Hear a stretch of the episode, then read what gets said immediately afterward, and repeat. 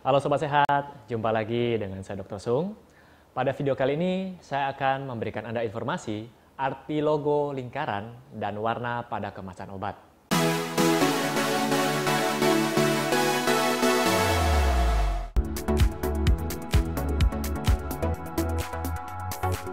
Sobat Sehat, saat kita membeli obat di toko atau di apotik atau di minimarket, biasanya kita melihat tanggal kadaluarsanya. Namun, kita lupa memperhatikan di sana ada logo obat, ada logo lingkaran pada botol atau kemasan obat lainnya. Nah, sebenarnya arti sebenarnya logo tersebut mempunyai arti. Nah, di sini eh, Badan POM telah membuat peraturan dan klasifikasi obat agar kita tidak salah mengkonsumsi obat tersebut. Nah, klasifikasi tersebut antara lain yang pertama adalah obat bebas. Obat ini dapat Anda temui atau obat yang paling gampang Anda jumpai di toko-toko obat, di apotik, ataupun di minimarket. Karena jenis zat yang terdapat pada obat tersebut itu relatif aman dan Anda dapat membelinya tanpa resep dokter. Namun, uh, walaupun tanpa resep dokter, Anda harus tetap memperhatikan dosis yang tertera pada kemasan tersebut.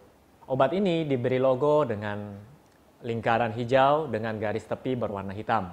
Anda boleh lihat gambarnya di sini. Contoh dari obat ini adalah seperti paracetamol dan antasida. Mungkin bagi Anda yang mempunyai obat-obatan seperti ini di rumah, Anda boleh ngambil kemasannya dan lihat logonya. Oke. Kemudian obat yang kedua adalah obat bebas terbatas. Jadi golongan yang kedua adalah obat bebas terbatas. Obat golongan ini sebenarnya termasuk obat keras, tapi masih dapat Anda beli tanpa resep dokter. Namun sekali lagi di sana terdapat peringatan ya Anda harus membacanya dengan baik.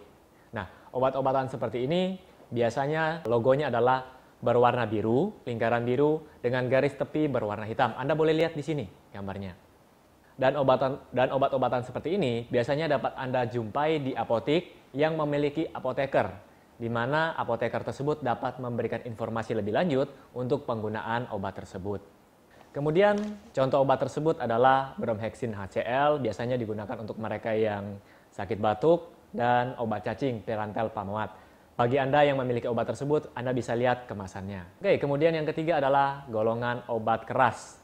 Nah, golongan obat ini Anda tidak boleh mengkonsumsi secara sembarangan dan sebaiknya harus dengan resep dari dokter. Obat ini diberi logo dengan uh, lingkaran merah dan di dalamnya terdapat tulisan K melambangkan obat keras.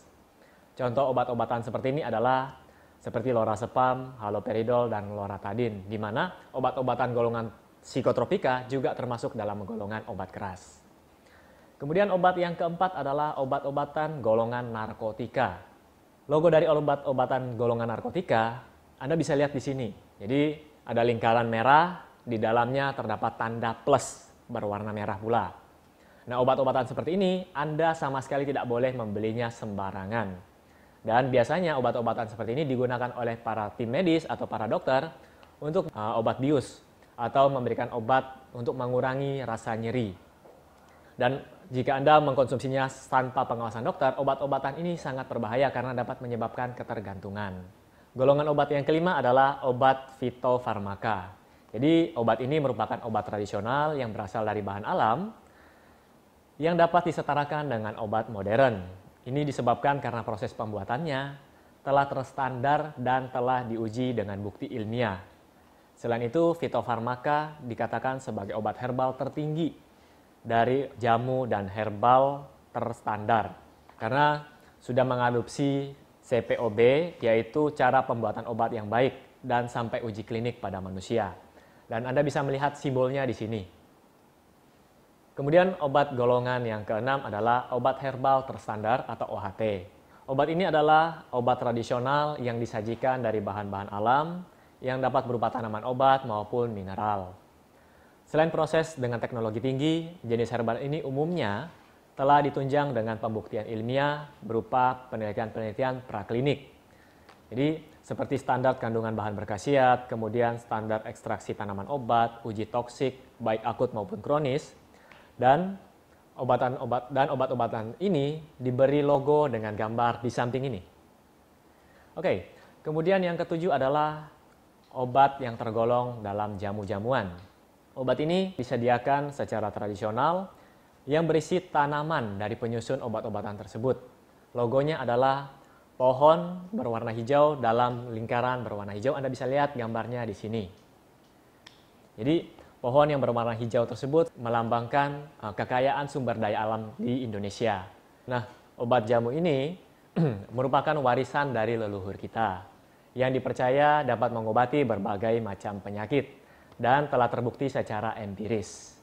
Bagi Anda yang ingin membeli obat uh, golongan yang ketujuh atau obat jamu ini, sebaiknya Anda harus memperhatikan kemasan yang telah terdaftar di Badan POM.